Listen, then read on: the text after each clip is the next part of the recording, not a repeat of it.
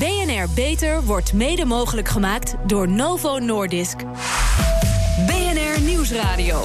BNR Beter. Hanke Pijpers. Welkom bij BNR Beter, het programma voor mensen die werken aan gezondheid. Ja, de felle en soms pijnlijke discussies over de prijzen die de farmaceutische industrie vraagt voor medicijnen, hebben tot nu toe niet tot meer begrip geleid. En waarom die prijzen zo hoog moeten zijn. En waarom het systeem niet te veranderen valt, is ondanks al die discussie nog steeds niet duidelijk. Hoe zit dat en hoe kan het beter? Daarover praat ik met mijn gasten van vandaag: Hans Buller, oprichter van Fair Medicine, hoogleraar kindergeneeskundige en voormalig bestuursvoorzitter van het Erasmus MC in Rotterdam.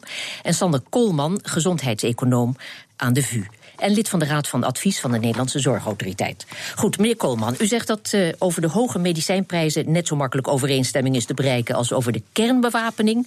Nou, tot dat inzicht was ik nog niet gekomen en velen met mij, dus barst los. Ja, het is een, uh, een internationaal vraagstuk. Uh, als je kijkt naar waar de investeringen plaatsvinden, dan is dat vooral in de Verenigde Staten. Uh, er zijn allerlei landen hebben verschillende belangen die niet overeenkomen.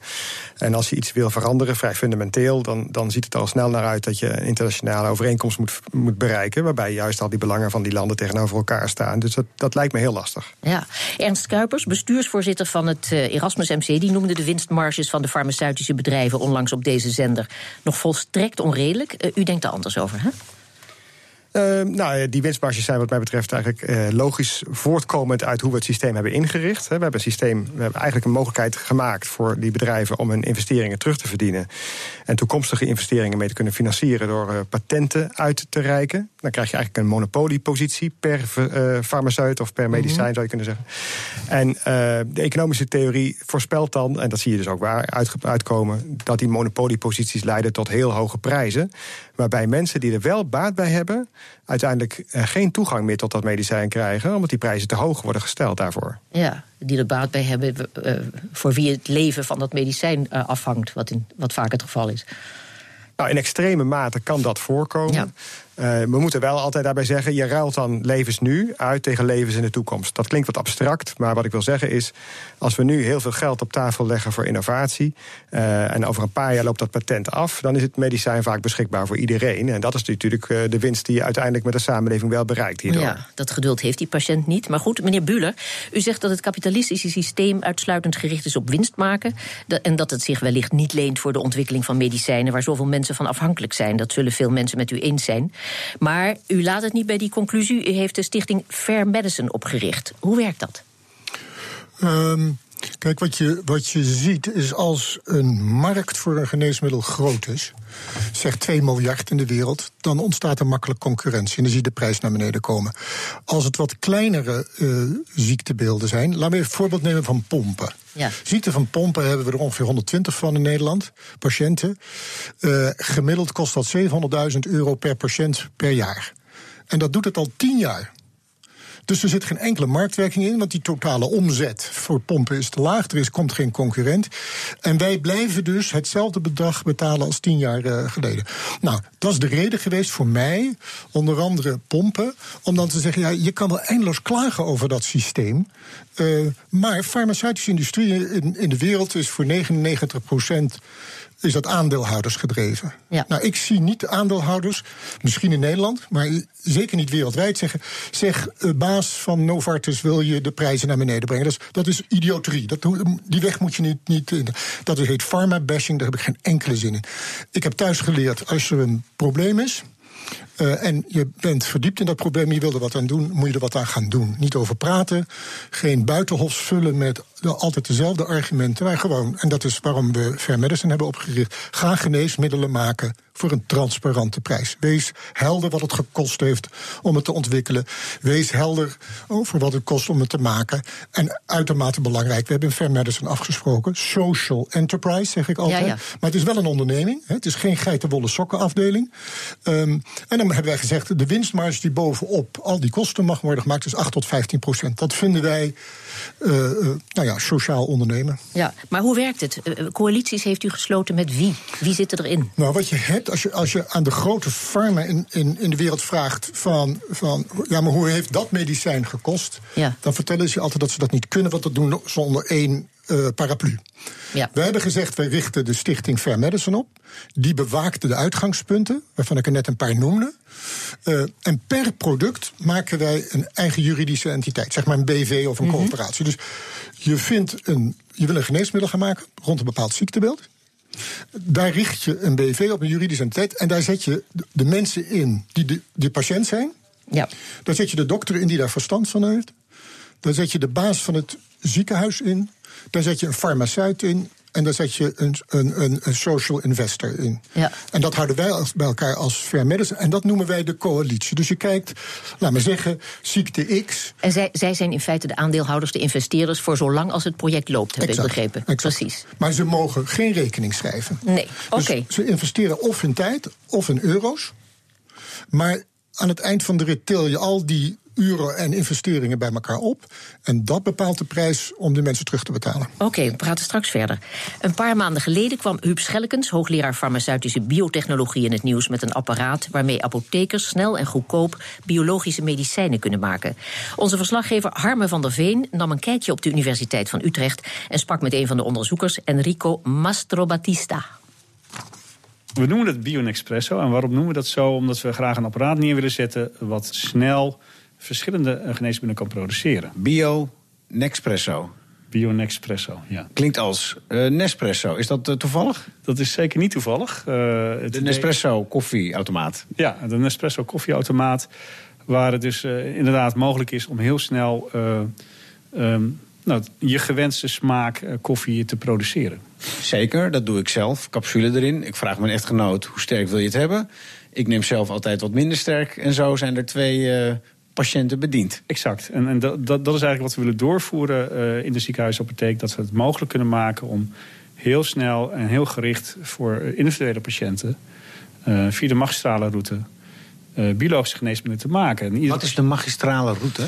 De magistrale route houdt in dat het is eigenlijk een recht van de apotheker om voor zijn patiënt of haar patiënten geneesmiddelen te maken en te bereiden. Oh, dat noemen jullie zo? Dat noemen wij zo. Dat is wat een apotheker um, doet, mag en kan met medicijnen? Exact, ja. En, en tot nu toe is dat beperkt gebleven tot het herformuleren. Dus het, het, het, het uh, aanpassen van een formulering. Bijvoorbeeld een tablet die naar, naar een drankje uh, wordt om, omgezet. Uh, maar... Ja, nu heb je een apotheker die gaat inderdaad het doosje pakken, haalt er wat pillen uit uh, of, of, maakt er iets anders van. Maar vroeger maakte de apotheker het echt zelf. Hè? Ik bedoel, met poeder en met weegschaaltjes. Het echt zelf maken van medicijnen. Komt dat weer terug? Ik verwacht dat het uh, terug gaat keren, ja. En dat is kostenbesparend. We hopen dat het kostenbesparend is, omdat uh, de afstand naar de patiënt veel korter is. Daar heb je een klein apparaat voor nodig. Is dit apparaat klein? Want we hebben een foto. Maar hoe, hoe verhoudt zich dit tot mijn lichaamslengte bijvoorbeeld? Ja, nou ja, nogmaals, het is een concept. Uh, het concept uh, wat we gaan uitwerken heeft een grootte van twee uh, Amerikaanse koelkasten. Ah, die zijn alweer wat groter dan die van ons. Die zijn wat groter, zeker. Maar past in een apotheek. Past in een apotheek en, en, en is ook verrijdbaar. En het moet ook verrijdbaar kunnen zijn, want Um, waar je de productie gaat starten, dat moet een hele zuivere, uh, schone omgeving zijn. Dat noemen we een clean room. Met weinig uh, vervuiling in de lucht. Steriele omgeving. Uh, dus dat soort apparaten moeten geschikt zijn om in zo'n clean room te hanteren. Nu wordt koffie eigenlijk steeds duurder, zeker als het hipper wordt. Het is toch de bedoeling dat jullie idee de medicijnen echt betaalbaarder gaat maken en de algemene kosten in Nederland kan gaan drukken, toch? Ja, dat, dat zit er ook achter. Je ziet dat biologische geneesmiddelen voor kleine patiëntengroepen vaak enorm duur zijn. Eh, zelfs als ze van patent af zijn, hè, dus dat, er geen bescherming meer op rust, uh, zie je de prijsdaling maar heel marginaal uh, optreden. Uh, en wij denken dat het sneller kan door gewoon een concurrentie te worden met de, de farmaceutische industrie die het originele product op de markt heeft gebracht. Ik trek jullie eigen beeldvorming nog één keer door. De apotheker wordt een soort barista. Prachtig, ja, ik vind hem leuk. Ja, we hoorden verslaggever Harmen van der Veen. Uh, meneer Koolman, we hoorden net een reportage over de Bionespresso van uh, Huub Schellekens, waarmee goedkoop medicijnen zouden kunnen worden geproduceerd. Er zijn meer instituten die daarmee bezig zijn, zoals bijvoorbeeld uh, het Antonie van Leeuwenhoek. Wat vindt u van dit soort initiatieven? Uh, nou, het idee om uh, medicijnen waarvan het patent is afgelopen... zo snel mogelijk uh, ook te produceren, zodat de prijs daarvan daalt. dat wordt door alle gezondheidseconomen, vakgenoten van mij, enorm aangemoedigd. Ehm, het, het, andere idee, dat je, je eigenlijk onder bepaalde voorwaarden... tijdens een patent in staat bent om een medicijn tegen heel lage kosten te produceren en aan je, aan je patiënt beschikbaar te stellen. Ja, dat, daar, uh, dat lijkt me een lastige route. Aan de ene kant hebben we dat patent natuurlijk niet voor niets in het leven geroepen. Uh, en het is mij ook maar de vraag of dat dit uh, juridisch gaat lukken. Ik kan me wel voorstellen dat ze dat gaan proberen. Maar ja. ik ben er niet van overtuigd dat het ook. Op kleine schaal pillen draaien, ja, wie weet. Meneer Buller, we zeiden het al, u gaat ook samenwerken met, met farmaceuten. Je zou bijna zeggen, moet dat nou wel? Zou je dat nou wel doen? Want voor je het weet trekken ze het hele initiatief naar zich toe, denk ik dan. En wordt er weer peperduur geproduceerd. Kopen ze net zoals ze nu doen voor veel geld de onderzoeksresultaten op. En gaan ze vervolgens weer inderdaad peperdure medicijnen maken. Hoe houdt u die beperkte winstmarge die u voor ogen heeft? Hè? Hoe houdt u dat in de hand? Nou, dat is zo grappig. Uh, ik, ik denk dat ik een jaar geleden nog dacht: pharma is pharma. Wat ik nu zie is dat er farmabedrijven zijn. Hè, wij zijn met drie bezig, drie mm-hmm. Nederlandse farmabedrijven. En die onderschrijven de charter van Fair Medicine. En bij het onderschrijven zitten afspraken over de prijs. Ja, dat kan dus een enorme trend worden binnen de farmaceutische nou, dat, dat hopen wij. Ja, en, mooi wat zijn. ik het spannende vind, dat die drie bedrijven zeggen... Um, wij willen op een andere manier in de farmawereld staan. Ja. Meneer Koolman, wat vindt u van dit initiatief? Biedt het een reële oplossing? Nou ja, ik zou zeggen, we gaan het zien. Hè. Al die bedrijfsmodellen mogen naast elkaar bestaan. En de beste zal het winnen, dat zeggen wij als economen altijd. Uh, we hebben al heel veel jaren natuurlijk de mogelijkheden tot dit soort modellen. En zijn in, andere landen zijn er ook wel eens wat andere modellen op tafel geweest. Het blijkt altijd lastig. Hè. Ja. Onder andere de schaalgrootte lijkt me hier een groot probleem. Je hebt de Nederlandse overheid als investeerder. Uh, terwijl eigenlijk, als, het, als je het goed doet, heb je voordelen over de hele wereld. Hè. Maar ja, daar gaat de Nederlandse overheid natuurlijk niet voor betalen. Nee. Die kijkt vooral naar haar eigen burgers. En dan zie je een onderinvestering als potentieel risico voor je. Ja, maar iedereen wacht op de oplossing. Hè. Er is een enorme voedingsbodem. Veel mensen zijn emotioneel betrokken en zijn bang dat straks peperdure medicijnen alleen nog maar beschikbaar zijn voor heel weinig mensen. Dat wil niemand. Uh, en bovendien zijn er heel veel partijen geïnteresseerd in de maatschappelijk verantwoorde belegging. Als er ooit een moment is, wil ik maar zeggen, dan lijkt dat nu zover te zijn. Ja, ik, ik, ik, uh, ik, laat, ik, laat het, ik hoop dat het een succes zal worden. Laat ja. ik dat zo zeggen. Ach, mevrouw, u meent het zo goed. Zoiets, hè? Oké. De farmaceutische industrie aansporen tot maatschappelijk verantwoord gedrag lijkt zinloos, want dat is in strijd met hun intrinsieke streven naar shareholders value. Niet de patiënt, maar de aandeelhouder staat centraal. Hoog tijd voor sociale investeerders. Hoort u meer over na de reclame. BNR Nieuwsradio. BNR Beter. Het produceren van levensreddende en vooral betaalbare medicijnen moesten we misschien maar niet meer alleen aan de markt overlaten. Daar praat ik over verder met mijn gasten. Hans Buller, oprichter van Fair Medicine, hoogleraar kindergeneeskunde en voormalig bestuursvoorzitter van het Erasmus Medisch Centrum in Rotterdam. Sander Koolman, gezondheidseconoom en lid van de Raad van Advies van de Nederlandse Zorgautoriteit. Ja, meneer Koolman, er is wel gesuggereerd dat de overheid beperkingen zou moeten stellen aan het door de farmaceutische industrie opkopen van met belastinggeld gefinancierde fase 1-studies. Is dat een reële optie of is het niet meer dan een uiting van volstrekte machteloosheid? Ja, ik, heb het inderdaad vaker gehoord. En uh, het valt mij op dat uh, veel mensen een verkeerd beeld hebben van wat de, de, farmaceutische industrie doet. Ik denk dat zeker de grotere, in de, de grotere farmaceuten juist na dit moment van het opkopen veel toegevoegde waarde leveren. en als je op dat moment, je hebt iets gevonden wat heel effectief lijkt.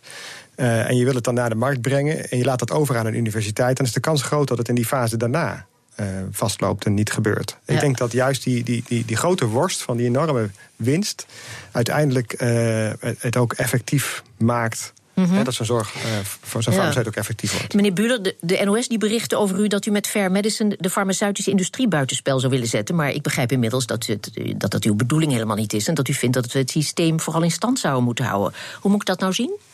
Nou, je, je zal grote industrie houden. Wat, wat ik zie bij Fair Medicine is wat we met zo'n mooi uh, woord de small medium enterprises. Mm -hmm. Dus de wat kleinere farmabedrijven die zijn enthousiast over Fair Medicine.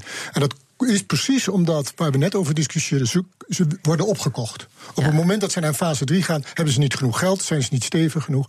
Met het Fair Medicine model waar dus Ja. die, die publieke-private samenwerking zit, hou je de kosten laag.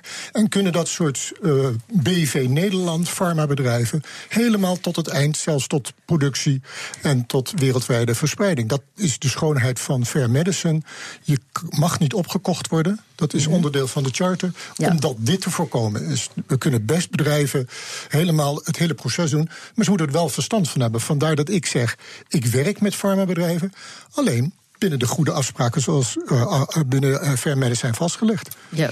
Dus eh, de grote ziekte laten we graag aan de grote industrieën over. Volgens mij werkt die markt daar prima, dat zien we ook. Maar neem dat voorbeeld wat ik gaf van pompen, en ik kan er nog wel tien noemen. Eh, daar ontstaan geen nieuwe producten. Even iets anders, we hebben 7000 zeldzame ziektes. Ja. Daar Zeldzame ziektes zijn niet zeldzaam, hè, maar per, per ziekte dus veel te weinig patiënten. Ja, en Ja. daar gaat de klassieke manier niet werken. Want er zijn 200 geneesmiddelen voor die 7000 ziektes.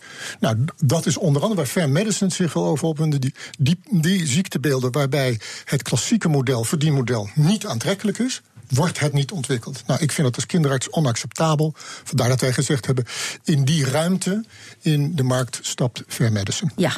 We vroegen ook eh, gezondheidseconoom Marcel Canois nog even wat hij vindt van fair medicine. Laten we even luisteren. Ik denk, ik denk dat die principes, dat dat goede principes zijn. En ik stel het dus ook op prijs dat er mensen zijn die zich, eh, die zich hier hard voor maken en, en, en die die principes gaan toepassen. Ja, dat blijkt uit alles. Dat als je die vijf principes consequent zou toepassen, dat je daadwerkelijk maatschappelijke winst kunt bereiken. Het zou ook hartstikke goed zijn als dat wat oplevert. Er is wel 3 miljoen ingestopt op basis van niet veel meer dan alleen vijf principes. Laten we wel even kritisch kijken of die club zijn, eh, zijn eh, mooie doelen allemaal kan waarmaken. Eh, en zo niet, ja, dan zijn het, blijven het vijf mooie principes en zijn we 3 miljoen kwijt. Eh, ja, u hoorde voorzichtig optimisme of optimistische voorzichtigheid van eh, Marcel Canois. Dat mag u zelf uitmaken. Meneer Buller, eh, wat vindt u van zijn reactie? Nou, redelijk. Ja. Het is the proof the pudding is in the eating. Ik, ik, ik kan het allemaal leuk bedenken. Maar ik vind hem sympathiek als hij zegt dat, dat het goede principes eh, zijn. Kijk, ik, ik krijg nog wel eens van andere farmabedrijven eh, zo'n opmerking van wat een interessant initiatief. Maar dan moet je goed naar de ondertoon Oh, luisteren. wat vreselijk, ja. Dat, dat hoorde ik bij Marcel helemaal niet. Nee, laat, laat ons bewijzen dat het, dat het kan. Dat zou ik ook dolgraag willen. Ja. Hoe is trouwens tot nu toe de reactie van de verzekeraars? Want wij hebben geprobeerd ze aan tafel te krijgen, dat lukte niet. Nou, beperkt. Ik praat met ze, dus Ja. ik blijf aardig over ze... omdat ik hoop dat ze ons uiteindelijk nog wel gaan steunen. De enige die ons direct gesteund heeft, was Chris Omen van DSW. Die zag Ja, het onmiddellijk en zei ja. Altijd een beetje buitenbeen. Ik ben nog in gesprek met de grote, hè, met de VGZ. Maar wat ik zie is, ze vinden dit onderwerp, dure geneesmiddelen, heel moeilijk. Ze spelen dat liever terug naar VWS... Want dan worden ze er niet verantwoordelijk voor. Dat is ook wel begrijpelijk, want als er een- duur medicijn bij komt, ligt het in de premieverhoging. Als zij die verantwoordelijkheid nemen, ik zie ze daar afstand eh, van nemen. Maar ik had dolgraag met VGZ of met Achmea gediscussieerd over dure geneesmiddelen. En het initiatief van Fair Medicine. Ja. Kom nou, net zo goed als de minister gedaan heeft, put your mouth. eh, eh, put your money where your mouth is. Want Ja. ik heb wel steun van de, de verzekeraars nodig. Ja. Meneer Koolman, wat vindt u van de uitspraken van Marcel Canois? Ja, eh, hij zegt ook van eh, laat dit bedrijfsmodel zichzelf bewijzen. En ik denk dat eh, we dat allemaal steunen. Ja, fair enough. Meneer Buller, kapitalisme of communisme, hoe zullen we het noemen? U hoopt op deze manier op een meer gelijke en dus eerlijke behandeling van alle mensen die op een gegeven moment afhankelijk zijn van een medicijn. Hè? Dat is uw doel. Ja, ik blijf het nog wel social enterprise noemen. Kijk, Ja. waar ik ontzettend benieuwd naar ben, is of mensen met een, een, een sociaal ondernemersachtergrond of sociale fondsen bereid zijn om in te stappen. Hè? Iedereen wacht op elkaar in deze hele discussie. Mhm. Ja. Eh, en met het fair medicine model, wat ik bijvoorbeeld prachtig vind, is dat patiëntenverenigingen enorme belangstelling tonen. Je zal ook begrijpen, eh, patiëntenverenigingen vinden het spannend om aan tafel te zitten en aan tafel te blijven zitten. Dat gaat ook voor de basis van de UMC's. Maar ik heb investeerders nodig. Die, die, die moeten ook mee aan tafel komen. Ja, maar eh, sociale investeerders, ja, die zijn in opkomst. Er zijn er steeds meer die dat willen. Ik bedoel, overal in het land ontstaan initiatieven. In de politiek hoor je er niks over, maar goed. Meneer Koolman. Ja, ja, ja ik, als we nou kijken naar eh, de successen van ehm, ehm, eerdere initiatieven, ik zei al, in andere landen ook, om, om, om nieuwe medicijnen te ontwikkelen op basis van subsidies, dan moeten we eigenlijk nu best vaststellen dat het ook uh, al decennia lang uh, geen successen zijn geweest. Hè? Mm. Dus de, toch blijkt dat de farmaceutische model, met al haar beperkingen, die zien we gelijk en die kennen we ook allemaal, uh, dat die toch wel heeft gewerkt voor ons als samenleving om nieuwe medicijnen naar de markt te brengen.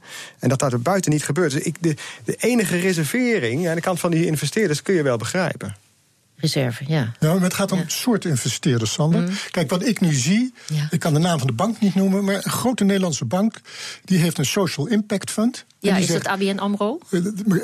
Aan je mijn gezicht kan je zien of je gelijk hebt of niet. Is dat de ja, ik heb gelijk, maar ik heb het gewoon gezien op internet. En, uh, en het, nee, maar het spannende is dat als die hun verantwoordelijkheid nemen... Ja. Uh, dan kan je de... Want Sander heeft ook helemaal gelijk. Je moet geen producten gaan ontwikkelen met subsidies. Nee. Fair Medicine Stichting heeft subsidies nodig. Mm -hmm. En die moet die uitgangspunten be bewaken. Maar dan moet per product moeten gewoon echte investeerders komen. Alleen, die moeten een horizon hebben van 9 tot 10 jaar die moeten die percentages uh, accepteren. En dat heet sociaal ondernemen. En ik denk dat de tijd rijp daarvoor is. Ja. Want we betalen aan het eind van de rit, moet je, als je dat laat ontwikkelen binnen het klassieke systeem, betalen jij en ik met de premie ja. nog een keertje voor dat product. En we voor betalen dubbel en dwars. Ja. En ik zeg, als jij het laat ontwikkelen binnen universiteiten, doe je het met publiek geld. Dan onmiddellijk, als het een potentieel product leidt, waarom zou je dan niet ook met publiek geld dat hele geneesmiddel ontwikkelen? Want dan kan je de prijs bepalen en betaal je niet later de hoge prijs voor de dure geneesmiddelen. Ja. Wat zit er tot slot heel concreet nu in de pijplijn? Vijf producten. Ja. Waarvan één helemaal nieuw is. Twee zijn in een, een, bestaand middel. Uh, maar wij denken dat we veel goedkoper kunnen maken.